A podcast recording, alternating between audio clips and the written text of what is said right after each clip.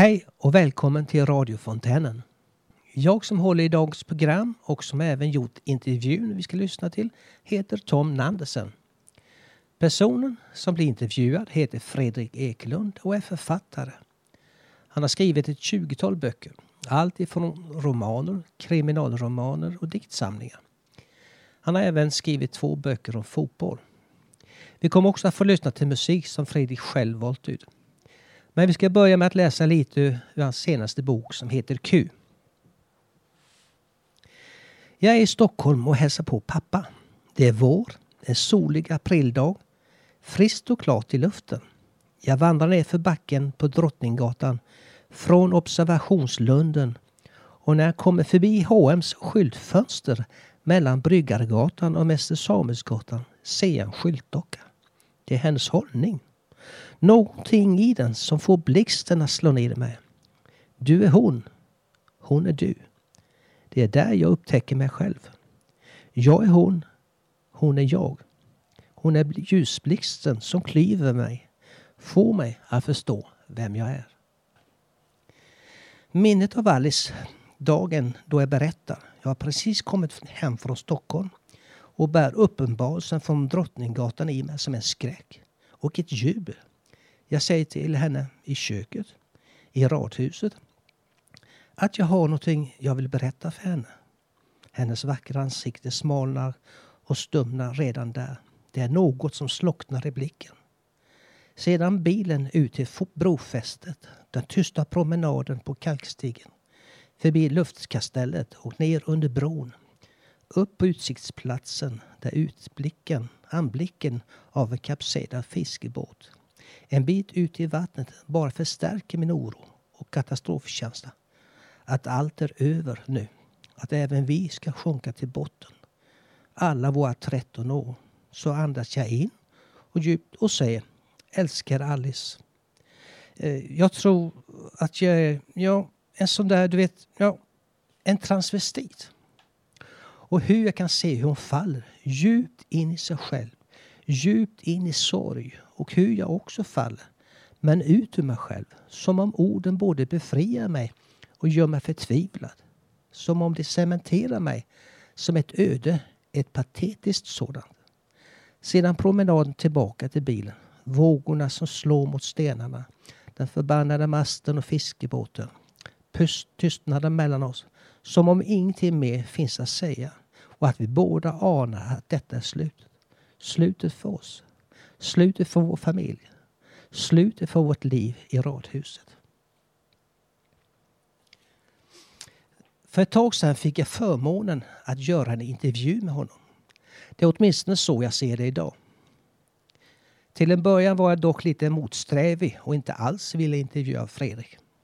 Min ovilja var inte för att jag inte gillade personen i fråga. Jag kände honom inte och hade aldrig pratat med honom. Min ovilja gäller något helt annat och berodde mer på min rädsla hur jag skulle reagera än på själva intervjun. För ett tag sedan gick han nämligen själv ut offentligt och sa att han var transvestit. Det gick helt stick i stäv med min uppfattning om hur en man ska vara.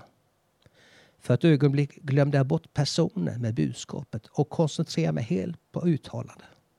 Men som så många gånger glömmer man bort sina fördomar när man väl sätter sig ner och möter sin medmänniska. Det viktiga är att komma ihåg att det finns så mycket att lära och förstå i varje möte med sin nästa. Jag önskar och hoppas att även det ska bli så när ni lyssnar till denna intervju. Take a breath, rest your head, close your eyes, you are right.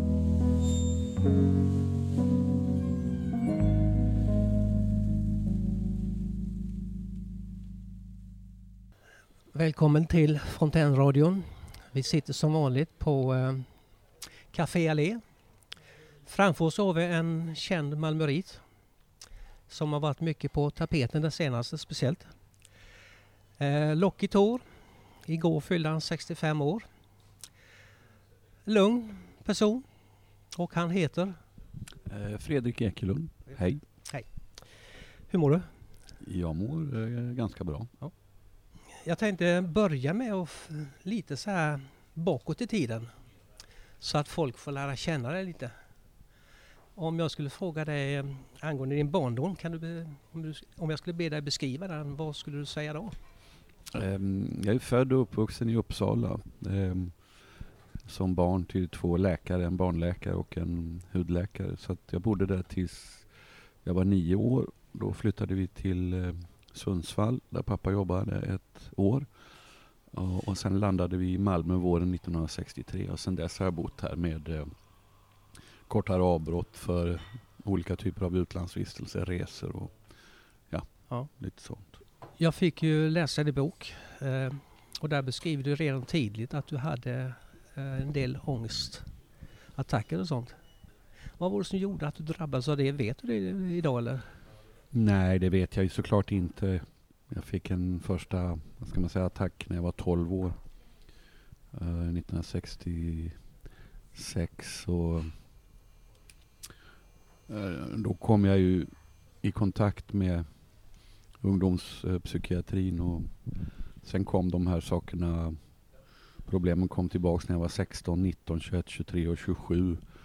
Och sedan dess har jag varit, eh, kan man säga, förskonad från den typen av allvarligare attacker. Så att, ja, jag har alltid tolkat det som att det handlade om eh, en existentiell ångest helt enkelt. Eftersom jag ställde mig frågor om eh, varför jag fanns och varför mina föräldrar fanns och varför vi överhuvudtaget finns som människor. Eftersom jag aldrig riktigt har fått något svar eller fick några svar på den typen av frågor så, så blev det outhärdligt för mig. Det är ju ganska speciella frågor att ställa sig i så tidig ålder. Mm. Absolut. Jag har tänkt på, eh, du hade ju fullgjort värnplikten och gått ut gymnasiet. Och sen började du jobba i hamnen. Och jobbade där i fem år. Och sen eh, skrev, skrev du en bok om just det livet. Mm. Vad var det som gjorde att du just ville skriva om det? Alltså det var ingenting, det var inget jag hade föresatt mig när jag började i hamnen. Jag började i hamnen därför att jag behövde pengar. Och jag ville leva ett självständigt liv. Jag ville inte läsa vidare som det förväntades av mig i Lund. Eh, det gjorde jag senare däremot. Eh, så var det en kompis som sa till mig att gå ner i hamnen där får man betalt direkt i stort sett. Nästan samma dag. Och så jag gjorde det. Jag tänkte egentligen bara stanna sommaren eh, 1974. Men eh, sen plötsligt så började jag trivas. Trivas med jobbet, trivas med mina arbetskamrater. Och så gick tiden och efter två, tre år så fick jag någon tanke om att det här borde någon skriva om. För jag tyckte det var så speciellt med, med arbetsmiljön och båtarna och stuveriarbetet och sånt där. Så att jag, jag kunde inte riktigt se mig själv som den som skulle göra det. Men, men så blev det. Ja. Men eh, att skriva den första boken så här, hade du drömmar att det verkligen skulle bli en bok, att den skulle bli utgiven och så vidare? Ja, när jag väl började så var ju det ambitionen att den skulle, att den skulle komma ut på, på ett förlag. Men jag hade inte ambitionen att bli författare. Utan ambitionen var att skriva en roman, en bok om Malmö hamn och hamnarbetarna i Malmö hamn. Det var den enda ambitionen. Ja. Men sen när jag kom igång med skrivandet så märkte jag att jag kunde inte bara skriva utan jag kunde också hitta på, jag kunde ljuga. Det vill säga skriva litterärt. Så att i och med att jag fick skrivet den boken så föddes det tankar i mig om att skriva fler böcker. Ja. Men utgångspunkten var egentligen ba att bara skriva den. Ja. Och sen basta. Men du trodde fortfarande att när du började skriva att det skulle, eh, det skulle bli en bok så att säga? Att det skulle finnas intresse för den? Nej, inte kanske, inte kanske när jag skrev de första utkasten. Det var nog mer för att jag ville visa för vänner och bekanta och fråga dem, tror ni att det här kan bli någonting? Mm. Att, men sen något år senare så märkte jag ju att jag fick, fick liv i texten, fick liv i prosan och då, då kände jag själv att det här kan nog bli något. Hur eh, länge tog det för att skriva boken? Det beror lite på hur man ser det. Eh, Jag tog ledigt fem veckor, fick låna en kompis sommarstuga i Stockholms skärgård. Och jag var där i fem veckor och skrev den liksom pang bom så. Men samtidigt så hade det ju tagit mig sju år att tänka kring den. Mm. Så det är svårt att säga. Ja. Jag kan säga fem veckor, men jag kan också säga sju år. Oj, oj. Beroende på hur Ja. man, vad man lägger in i själva skrivandet. Men då måste du vara ganska duktig på att få ner texten. På den tiden skrev man ju på skrivmaskin så det gick ju inte att ändra på samma enkla sätt som idag. Så att, nej men jag hade det väldigt fint i den där stugan. Det var ju ingenting som kunde störa mig och avbryta min koncentration. Det fanns ingen elektricitet, fanns ingen, eh, inga grannar, ingenting. Utan det var bara skrivandet som gällde. Då måste man vara eh, klara av ensamheten. Ja, men det var inga problem för jag var inte ensam. Jag hade ju alla mina hamnarbetarröster i mig som Okej. pockade på uppmärksamhet. Hur, hur många förlag fick du vända dig till när det blev en bok? Det var den, det andra förlaget. Jag blev först refuserad på Norstedts, ett långt och, och eh, fint kan man väl säga refuseringsbrev av Jan Stolpe och sen hade jag ju skickat den samtidigt till, till Bonniers så att några veckor senare så blev jag antagen på Bonniers så det var ju ett stort ögonblick i mitt liv såklart. Och boken sålde bra eller? Ja, det blev väldigt bra. Den blev väldigt stort uppmärksammad och kom i pocket, olika pocketversioner ganska omgående. Så att, ja, det var, Ja. det gick bra. Men det var aldrig så att du misströstade om att det skulle bli bok och så att du har lagt ner massa tid i onödan? Nej. Roma, Roma, ma, ga, ga, ooh la la, what you be romance.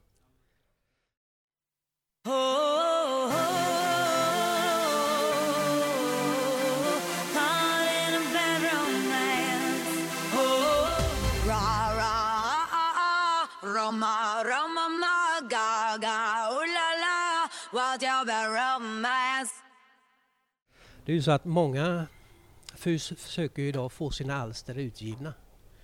Eh, men det är många, väldigt många som misslyckas. Vad är det som gjorde att just du... Därför att den var bra. Nej. Nej, den var bra. Den var unik. Ingen hade skrivit om hamnarbetare, inte på det levande sättet. Så det är ju ofta det som gör att folk inte får ut sina alster, att det håller inte riktigt. Ja. Väldigt många vill skriva, väldigt många skriver men du måste skriva bra också för att förlagen ska anta dig. Sen Ja. kan, har du alltid valet att du kan ge ut på eget förlag. Ja. Men då, ja. Jag kan ju inte låta bli att kommentera det här. Jag tänkte på att när man hör författare eller när man ska skriva en bok så ska man tänka på att inte börja med att. Det ska inte vara komma och komma i flera i samma meningar. Så tänkte jag på den här boken Q som du har skrivit. Ja, Där är det väldigt mycket så. ja, precis. När man når en, vad ska man säga, viss litterär nivå då kan man liksom leka med språket på ett sätt som eh, där man tillåter sig ganska stora friheter. Mm. Och det gör jag i Q på ett helt annat sätt än i mina första böcker. Ja. Så Q är ju också en bok som där jag emellanåt glider mellan prosa och poesi. Ja. Jag använder mig av, man kan säga två litterära uttrycksformer. Vad, vad är det som gör vilken bok du ska skriva? Alltså det är ju ofta, det kan vara tillfälligheter, det kan också vara resultatet av ett inre tvång, någonting som verkligen vill ut. Så var det ju med Q. Så var det ju med Stu Malmö kom också, min debutroman. Det var ju bara den, det som gällde då, den världen. Ja. Och när det gällde Q var det ju, som jag skriver i boken, det var ju eh, det här med transvestismen, det var ju någonting som nästan höll på att knäcka mig, så jag var tvungen att ta, it- ta itu med det. Så att den handlar ju om, och det är ju också ett, ett, bef- ett befrielseverk. Mm. Jag tänkte, du har ju skrivit många inom många olika genrer. Romaner, kriminalromaner, diktsamlingar, du har skrivit om fotboll och så vidare. Mm. Vad, vad är det som gör att du inte håller till en genre? För jag menar, det måste ju ändå vara på något sätt att man får sälja mycket mer kanske? Men ja, det vet jag inte. Jag vet inte riktigt om det är på det sättet faktiskt. Eh, Jag skriver det jag vill skriva. Sen har jag inte tänkt längre än så. Jag har aldrig anlagt några, vad ska man säga, kommersiellt taktiska eh, drag kring mitt skrivande. Utan jag har hela tiden gått på intuition och känsla. Ja. Och eftersom jag har spelat fotboll hela mitt liv till exempel så fick jag tidigt någon idé om att jag ville också försöka skriva om fotboll. För på den tiden när jag skrev min första bok om fotboll då var det väldigt få som gjorde det. Det var nästan ingen som hade gjort det. Så att, eh, det var lite nytt då. Nu är det väldigt många som skriver om fotboll, så nu är det inte alls eh, behovet är inte lika stort. Va? Men eh, nej, så det var ju helt enkelt att jag hade spelat mycket. Jag tyckte det saknades texter, om- bra Ja. texter om Det här med kändisskapet, är det en eh, biprodukt av att få skriva böcker eller är det någonting du tycker om? Eller svårt att handskas med? Jag körde taxi i Stockholm i början på 90-talet. Sen en kväll så kom jag körande ner eh, vid Slussen, ner mot Gamla stan och så såg jag Ulf Lundell hur han som hukade i skymningen på väg in i Gamla stan, på, på, förmodligen på väg till Gyllene Freden. Och så tänk, tänkte jag, nej, så vill jag inte ha det. Mm. Jag vill inte bli känd på det sättet så att det blir plågsamt att röra mig utomhus. Mm. Men det är klart att känd i den med meningen att respekterad och inbjuden till i olika sammanhang, Mm. absolut. Mm. Men inte det där att du ska liksom behöva gömma dig för folk. Det, det, måste, vara, det måste vara förfärligt och leda också till en ofrihet för dig Ja. som människa. Och det var lite det jag tyckte jag såg hos honom. Ja. Men när man tänker på just det att du skriver böcker. De ligger till för försäljning för andra och du skriver på Facebook och du skriver uh, krönikor och allt sånt där. Då blir det ju en offentlig text. Mm. Och jag förmodar att du får en del påståenden, eller argument, vad heter det? Folk kanske tycker om det, åsikter som de inte tycker om och så vidare. Är inte det jobbigt? Nej, alltså jag är rätt van. Jag är liksom, vad ska man säga, ganska hårdhudad i den meningen. Jag har varit indragen i ett antal debatter och polemiker i mitt liv. Så att det är klart att om, om du får, man ska säga stick under bältet så gör det alltid ont, lite ont i början. Men sen om du väl tar tag i det och besvarar och kokar ner det till sakfrågan så, så brukar det bli, bli ganska bra. De flesta som hör av sig det är ju folk som som gör det av skäl att eh, de tycker att jag har skrivit något bra eller något som har berört dem. Mm. Och den typen av kontakter är alltid känns alltid väldigt bra. Jag har fått ett antal sådana mejl nu efter den här senaste boken från folk som själva är tra- transpersoner på ett eller annat sätt och då känns det ju fantastiskt eh, att ha kunnat hjälpa Mm. med den här texten, den här boken. Ditt stora intresse i livet är ju fotboll. Och du har till och med skrivit två böcker om det. Ja, tre faktiskt. Tre. Ja. Mm. Uh, expert? Förlåt? Är du expert? Jag är väl expert på vissa saker. Jag kan väldigt mycket om Malmö FF. Jag kan också, jag är förmodligen den som kan mest om brasiliansk fotboll i Sverige. Eller brasiliansk fotbollshistoria ska Ja. jag säga. I nuläget har jag ingen bra koll på. Då får jag fråga dig, vilken är Sveriges eh, höjdpunkt i livet när det gäller fotboll? Var det 58 mot Brasilien eller 94 mot Bulgarien? Ja, men det går ju inte att diskutera. Det är klart att det är 1958. Som VM-final är alltid en VM-final. Så att det finns ingenting. Ja. Det är ingen diskussion ens. Okej. Och med tanke på att du bott på olika ställen i världen, är det något speciellt lag som ligger dig varmt om hjärtat? Ja, det är klart att Malmö FF är ju klubben i mitt hjärta. Sen så finns det väl andra klubbar som på något sätt intresserar mig lite också men, men kanske inte, inte på något liknande sätt. Nej. Eh, Göteborg är ju det lag, enda lag i Sverige som har vunnit Champions League. Det har de inte gjort. Har de inte? Nej. Malmö FF är det enda laget som har gått till final i Champions League. Men på den tiden hette det Europacupen 1979. Men Göteborg var otroligt nära att gå till final 1986. Men man åkte ut mot Barcelona i semifinal. Man vann eh, man vann hemma med 3-0 men så förlorade man med 3-0 på Camp Nou i Barcelona och förlorade på straffar. Okej. Och Torbjörn Nilsson gick ner i omklädningsrummet. Han vågade inte slå den avgörande straff. Okej. Jag tänkte nu det gäller det här med kill och. Men de vann Uefa-cupen. Ja, Det var det du syftade på. var det Mm. jag Ja, Ja. två gånger, 82 och 87. Ja. Det var stort. Verkligen. Och då är det de lag som har kommit längst. Ja, eh, IFK Göteborg och Malmö FF är outstanding i svensk Ja. fotboll när det gäller internationella meriter. Ja. Absolut. Men Malmö är ändå Malmö. Ja, men du kan aldrig ta ifrån Göteborg de här två Uefa Cup-titlarna. Det har inte Malmö något, eh, något liknande. Men å andra sidan gick aldrig Göteborg till final i Europacupen. Så att, ja, det är Ja. ungefär likvärdigt kan Ja. jag tycka. Jag tänkte när det gäller det här killfotboll och, tjejfotboll, de är så fruktansvärt olika. Mm. Eh, om man tittar på killfotboll, där är de, de filmar väldigt mycket.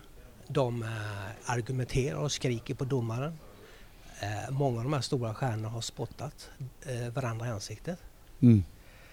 Vad är det som gör att det, att det är som skillnad? Det är att killarna inte kan göra skillnad på eller klara av en nederlag eller det, vad är det som gör att det blir så? Jag tror att det är, dels är det en kulturell fråga men dels är det också en hormonfråga helt enkelt.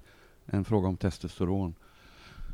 Och det är en väldigt sorglig skillnad såklart. Jag har ju själv varit väldigt mycket i killfotbollsvärlden men också väldigt mycket i tjejfotbollsvärlden eftersom två av mina döttrar spelade mycket så att jag var involverad och var alltid på matcher och körde till träningar och sånt där. Så det är ju det är befriande att titta på tjejfotboll många gånger och damfotboll eftersom du slipper, slipper hela den här aggressionskulturen och Ja. så. Så att där har ju herrfotbollen väldigt mycket att lära från damfotbollen och inte minst de aktiva spelarna på planen har mycket att lära sig av, av de professionella damerna. Alltså den, där kan vi verkligen tala om gentlemannakultur. Ja.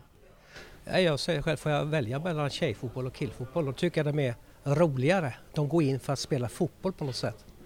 Ja, jag, tyck, jag förstår vad du menar. Jag inte riktigt, håller inte riktigt med utan jag väljer av andra skäl kanske. Ibland är det också riktigt bra. Senaste VM var väldigt bra, dam-VM till exempel, men det är fortfarande stor skillnad kvalitetsmässigt.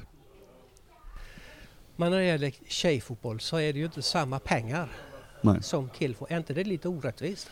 Det kan man ju tycka, men pengarna kommer ju för att uh, herrfotbollen är i många fall så är den bättre det och tv-bolagen vill ha det som är bäst. Ja. Så det är en svårlöst fråga. Däremot så tycker jag att man borde, vad ska man säga, pytsa in mer pengar från um, herrfotbollen till damfotbollen så att den får bättre förutsättningar att växa. Så till exempel så sörjer jag att Malmö FF gjorde sig av med sitt damlag.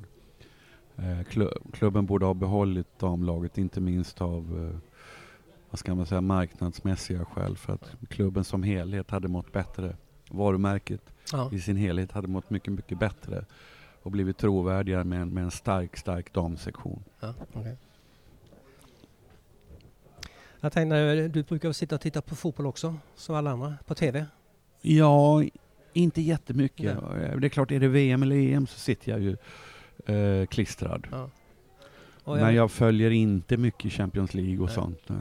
Ja, jag tänkte mer liksom eh, eh, jag själv och många med mig, man sitter ju gärna och gapar och skriker och undrar vad det är för domslut och, hur- Ja, ja, ja, det händer ju också att jag gör det såklart. och då undrar jag så här om om Maria, Marisol hade suttit där, vad hade hänt då? Ja, hon är lite lugnare. Men det är klart, att hade Marcus Rosenberg gjort mål i en viktig eh, Europa League-match, då hade hon nog också skrikit till. Många anser ju att Brasilien har världens bästa lag, är det det? Inte nu, Inte det? nej. De är ju det historiskt, det, det laget som har vunnit flest VM och så vidare och som väl har väl haft historiskt sett också de bästa spelarna men hela Brasilien har ju sjunkit ner i ett stort svart hål, även den brasilianska fotbollen. Så att, Mm. eh, det råder eh, depression kan man säga där. Så att, det är historia. Mm.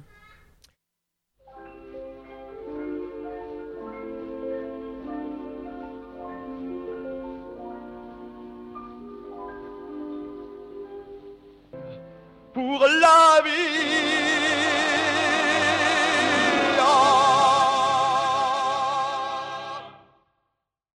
Nu har vi tagit två olika ämnen. Jag tänkte gå in på den tredje. Ja, Det är den här boken Q som de har kommit ut med. ja. Ehm, och jag kan förstå att det har varit en ganska stor vånda att skriva den.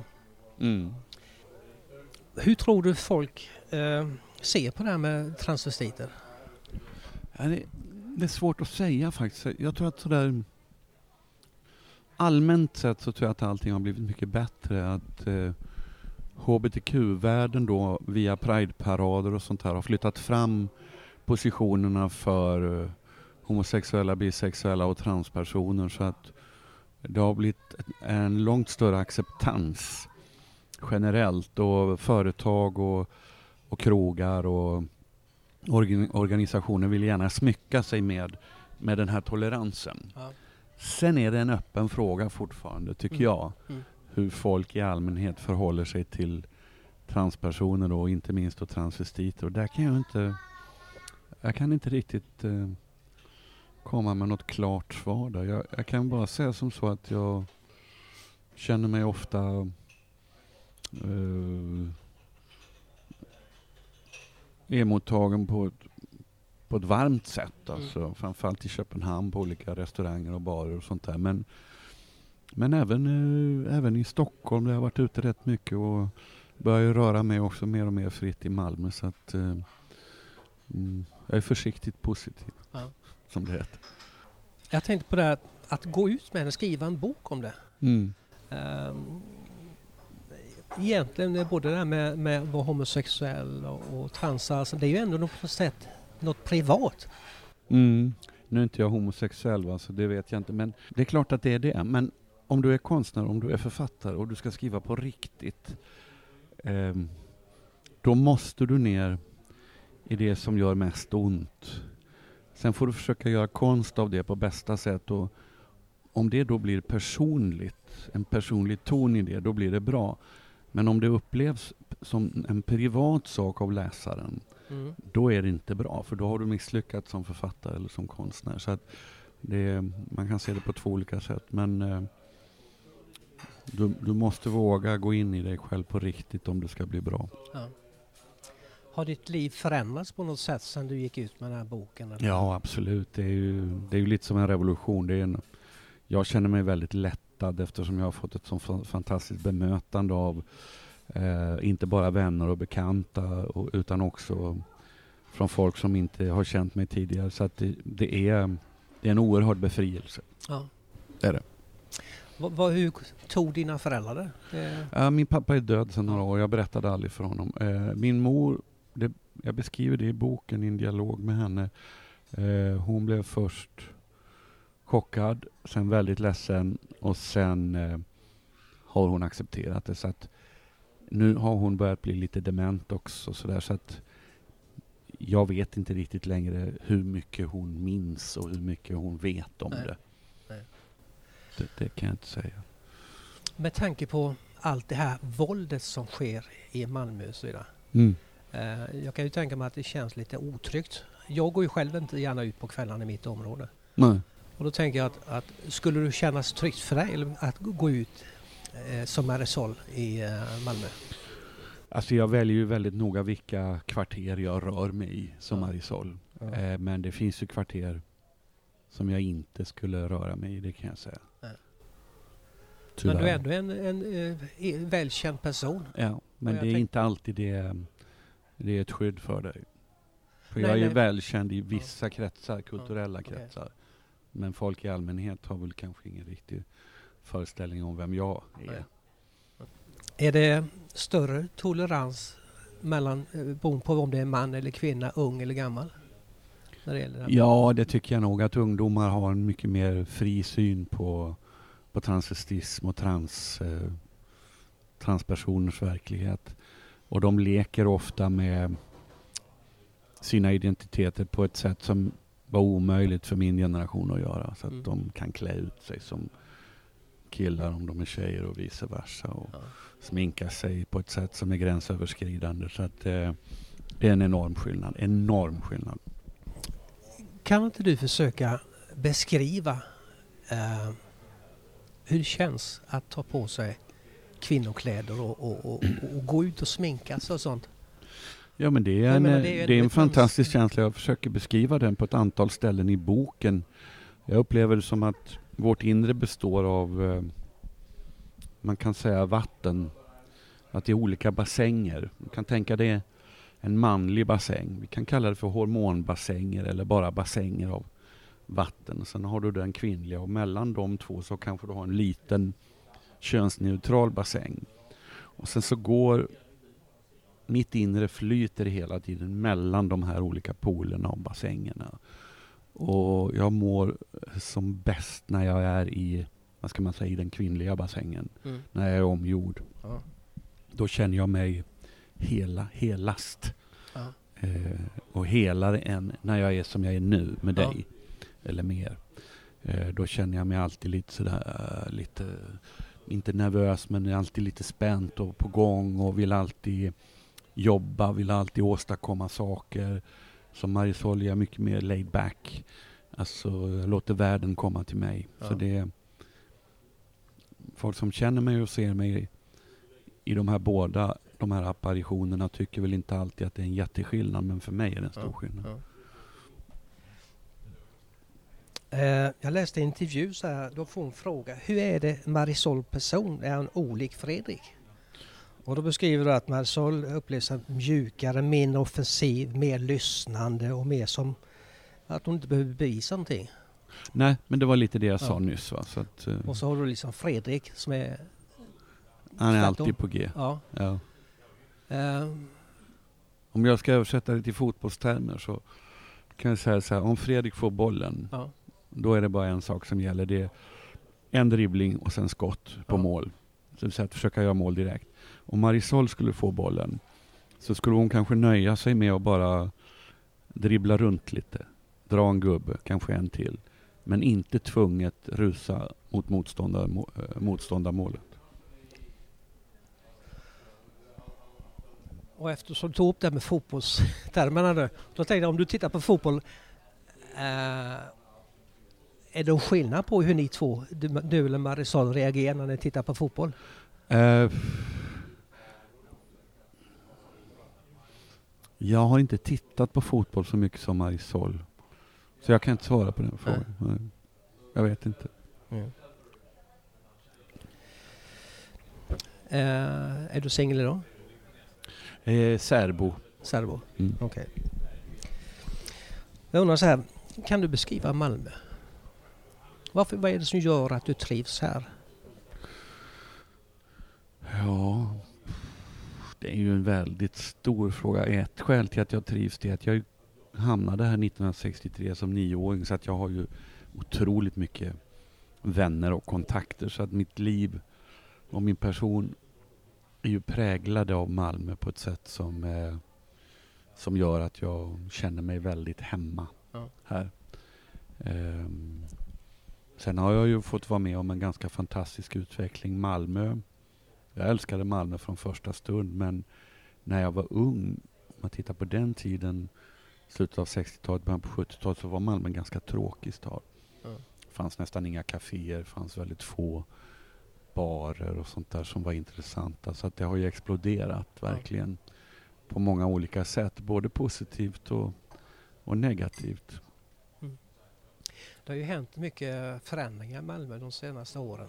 enorma förändringar. När jag växte upp så var ju Kockums var ju liksom ryggraden i Malmö med inte vet jag om det var 8, 9 eller 10 000 anställda varvsarbetarna. När, när varvet stängde så kom de cyklande just här. Ja. Hundratals. Så det var som en flod Ja. av eh, varvsarbetare som kom så man var liksom tvungen att kasta sig undan. Va? Ja. Och det satte sin prägel på staden. Malmö var väldigt mycket Kockums. Okej. Eh, och sen när Kockums gick i graven så tänkte man hur i helvete ska den här stan klara det? Men sen har man ju satsat på några riktigt stora då infrastrukturella eh, projekt som har slagit väldigt väl ut. Va? Ja. Så att Bo 01 och Malmö universitet och inte minst bron till Köpenhamn har ju blivit ett väldigt lyft för hela regionen. Så att det har också gjort det väldigt lätt- lätt för mig att ta mig till Köpenhamn. Ja. Och det här med invandring som vi sett de senaste åren, det är, det är en mångfald av människor. Ja, ja absolut. Och det, är ju, det positiva i det är ju den här kulturella mångfalden och restaurangerna och, och språken och musiken och litteraturen. Det påverkade mig väldigt mycket när jag började skriva för då var jag ju väldigt eh, ofta i kontakt med chilenska författare så att de Mm. betydde väldigt mycket för mig. Så det det är ju den positiva aspekten. Den negativa är ju gängvåldet och, och kriminaliteten och segregationen. Ja. Det är baksidan av myntet. Så Ja. att, eh, när man pratar om de frågorna så tycker jag då, borde, då måste man alltid prata om båda sakerna. Ja. Men extremhögern vill bara prata om problemen och, och, och det här lite mera naiva politiska fältet vill bara prata om eh, det är så fint med mångfald, det är så fint med Malmö och sånt där. Ja. Jag tycker eh, det finns brister i båda analyserna.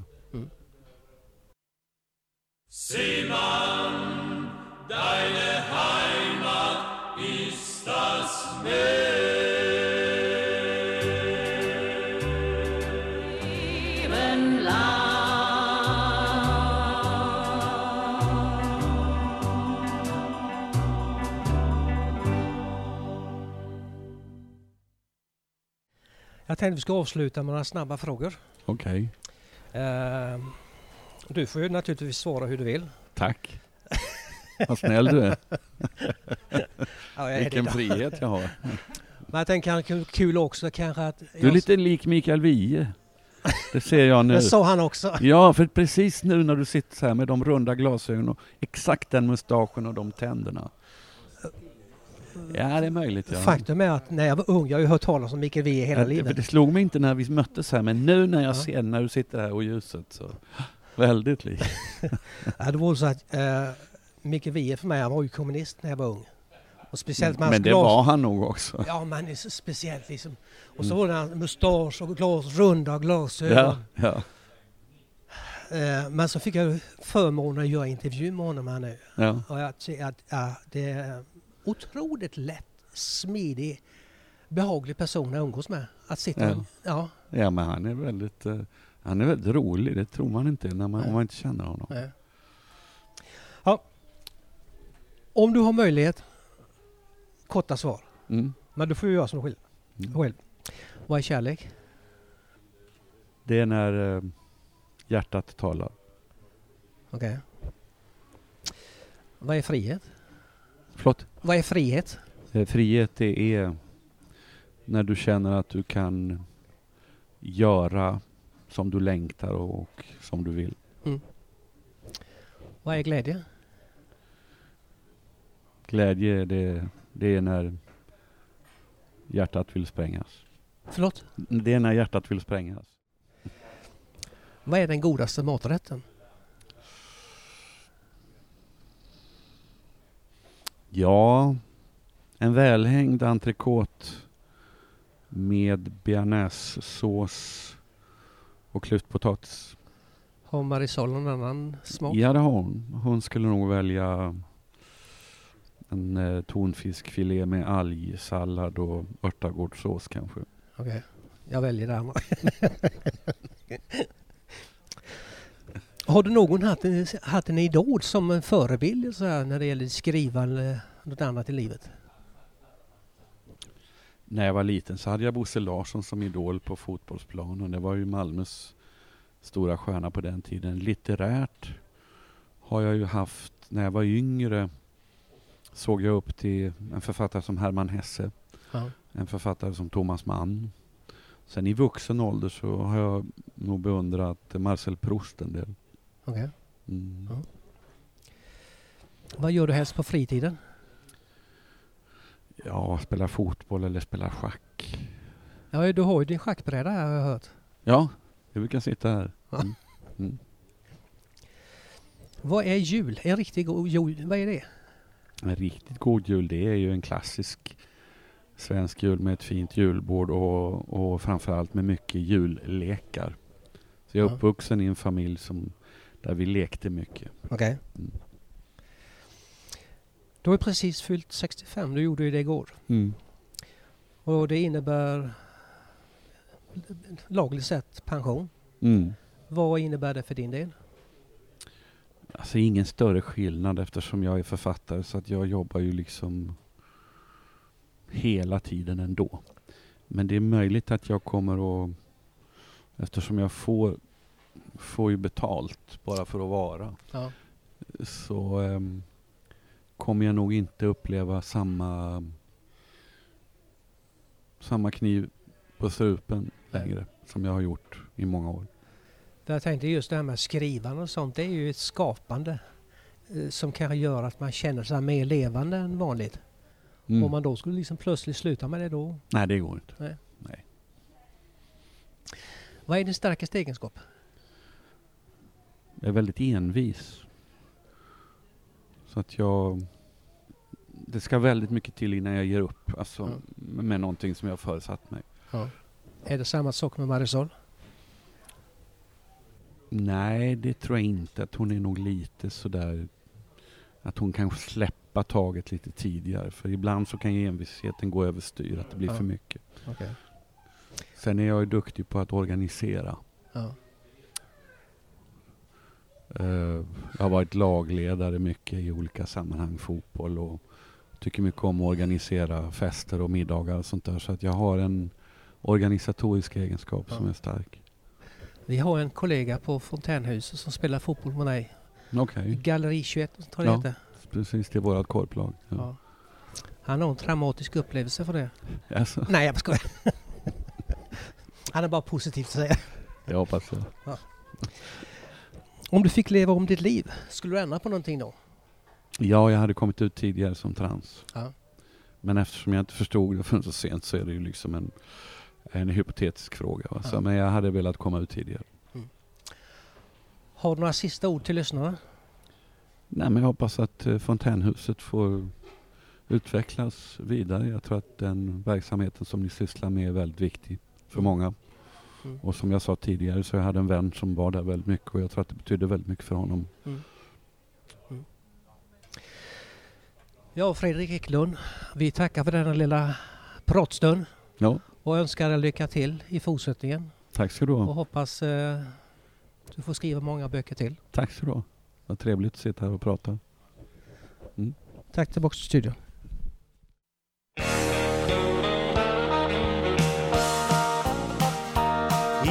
Fönster står en flicka spejande Kanske, kanske Säger du aldrig Vi ses ej mer igen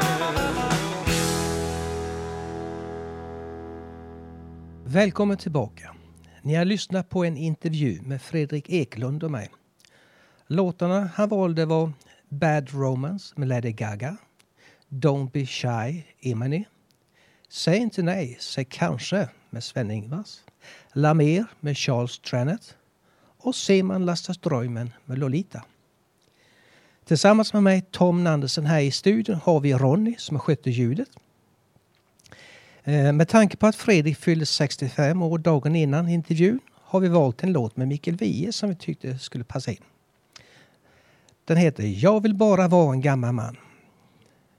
Vi tackar Fredrik för intervjun och återkommer nästa torsdag som vanligt. Vi säger tack och hej.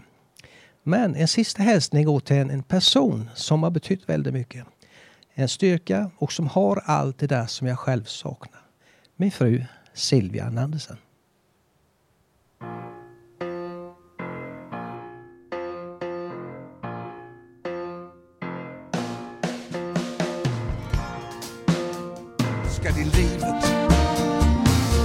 Tacksam för det det har gett Glad